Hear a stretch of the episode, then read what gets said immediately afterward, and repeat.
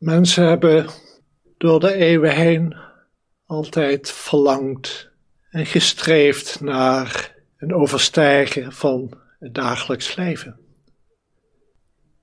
Een vorm van transcenderen, transcendatie. En dat heeft geleid door de eeuwen heen tot de grote religies die deze wereld heeft. De geloven waarin een liefhebbende God meestal centraal staat, in de paradijselijke hemel, waar er in tegenstelling tot het dagelijks leven geen lijden is, geen angst en verdriet, waar er een vrede is, waar we geliefd worden. Te centraal in de meeste religies is een transcendente werkelijkheid die buiten of voorbij dit leven ligt. En elementjes daarvan vind je ook in wat we soms het oude boeddhisme noemen. Het boeddhisme van de eerste eeuwen naar, na de Boeddha. India was een Hindoeïstisch land. En het Hindoeïstisch pad is een van transcendering. Het opgaan in Brahma. De Boeddha liet dit gaan, maar ook hij oefende om de cyclus van geboorte en dood, van het steeds weer in vorm verschijnen, achter zich te laten. Want voor hem was geboorte, ziekte, ouderdom en dood het lijden, het lijden in deze wereld.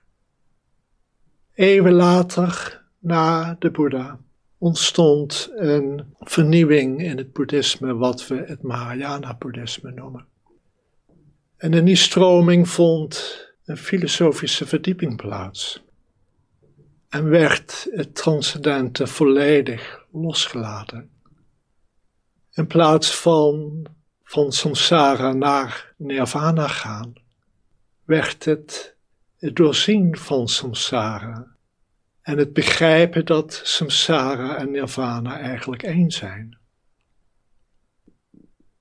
Weer eeuwen later schreef de Japanse meester en grondlegger van de Sotozen-traditie in Japan, zijn meester Heidoken, uitgebreid in de Shobogenzo over geboorte en dood.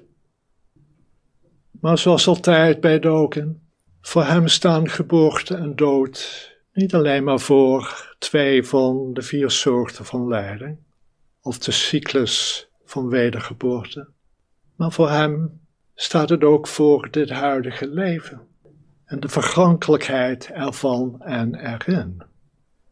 Het ontstaan en vergaan van alles in elk moment.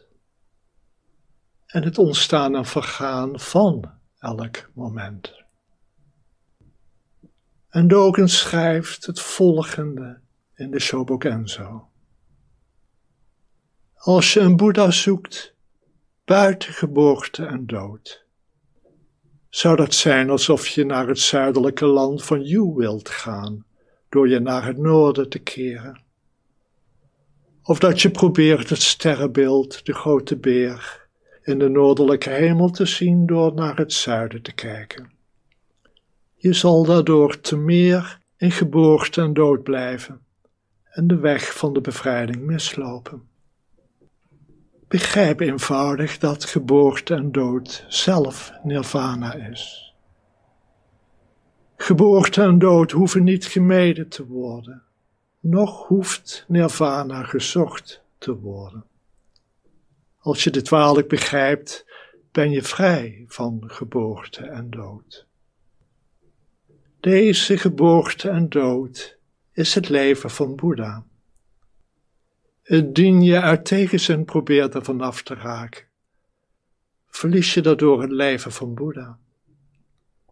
Indien je uit gehechtheid probeert erin te blijven, verlies je het leven van Boeddha ook. Wat je dan rest is slechts de uiterlijke schijn van Boeddha. Alleen wanneer je geen tegenzin hebt tegen geboorte en dood, nog ernaar verlangt, zal je de geest van Boeddha ingaan. Echter gaat het niet over denken of erover spreken. Laat je lichaam en geest zijn voor wat ze zijn. Vergeet ze en ga het huis van Boeddha in, zodat Boeddha vrijelijk kan functioneren en je zonder enige inspanning van lichaam en geest in overeenstemming daarmee bent. Dan ben je vrij van geboorte en dood en word je Boeddha. En wiens geest zou er dan nog een hinderlijke gehechtheid zijn? Al dus zijn meester Dogen. En uiteindelijk komt dit allemaal neer op wat we nu doen in dit zitten. Verzacht en ontspan in dit huidige moment, dit vergankelijke moment van het leven dat cyclisch is. Verzacht en ontspan, ook al is er misschien een moment van lijden, van angst, van verdriet. Houd er niets vast en duw niets weg. In het verzachten en ontspannen, het vriendelijk worden, het volledig samenvallen met het moment van geboorte en dood, is er het vrij zijn van dit moment zoals het is. En in het vrij zijn kunnen we vrijelijk functioneren als een Boeddha. Maar grijp iets vast en hou het vast, wat dan ook. En dan ben je die vrijheid kwijt. En wat dan rest is alleen nog maar geboorte en dood.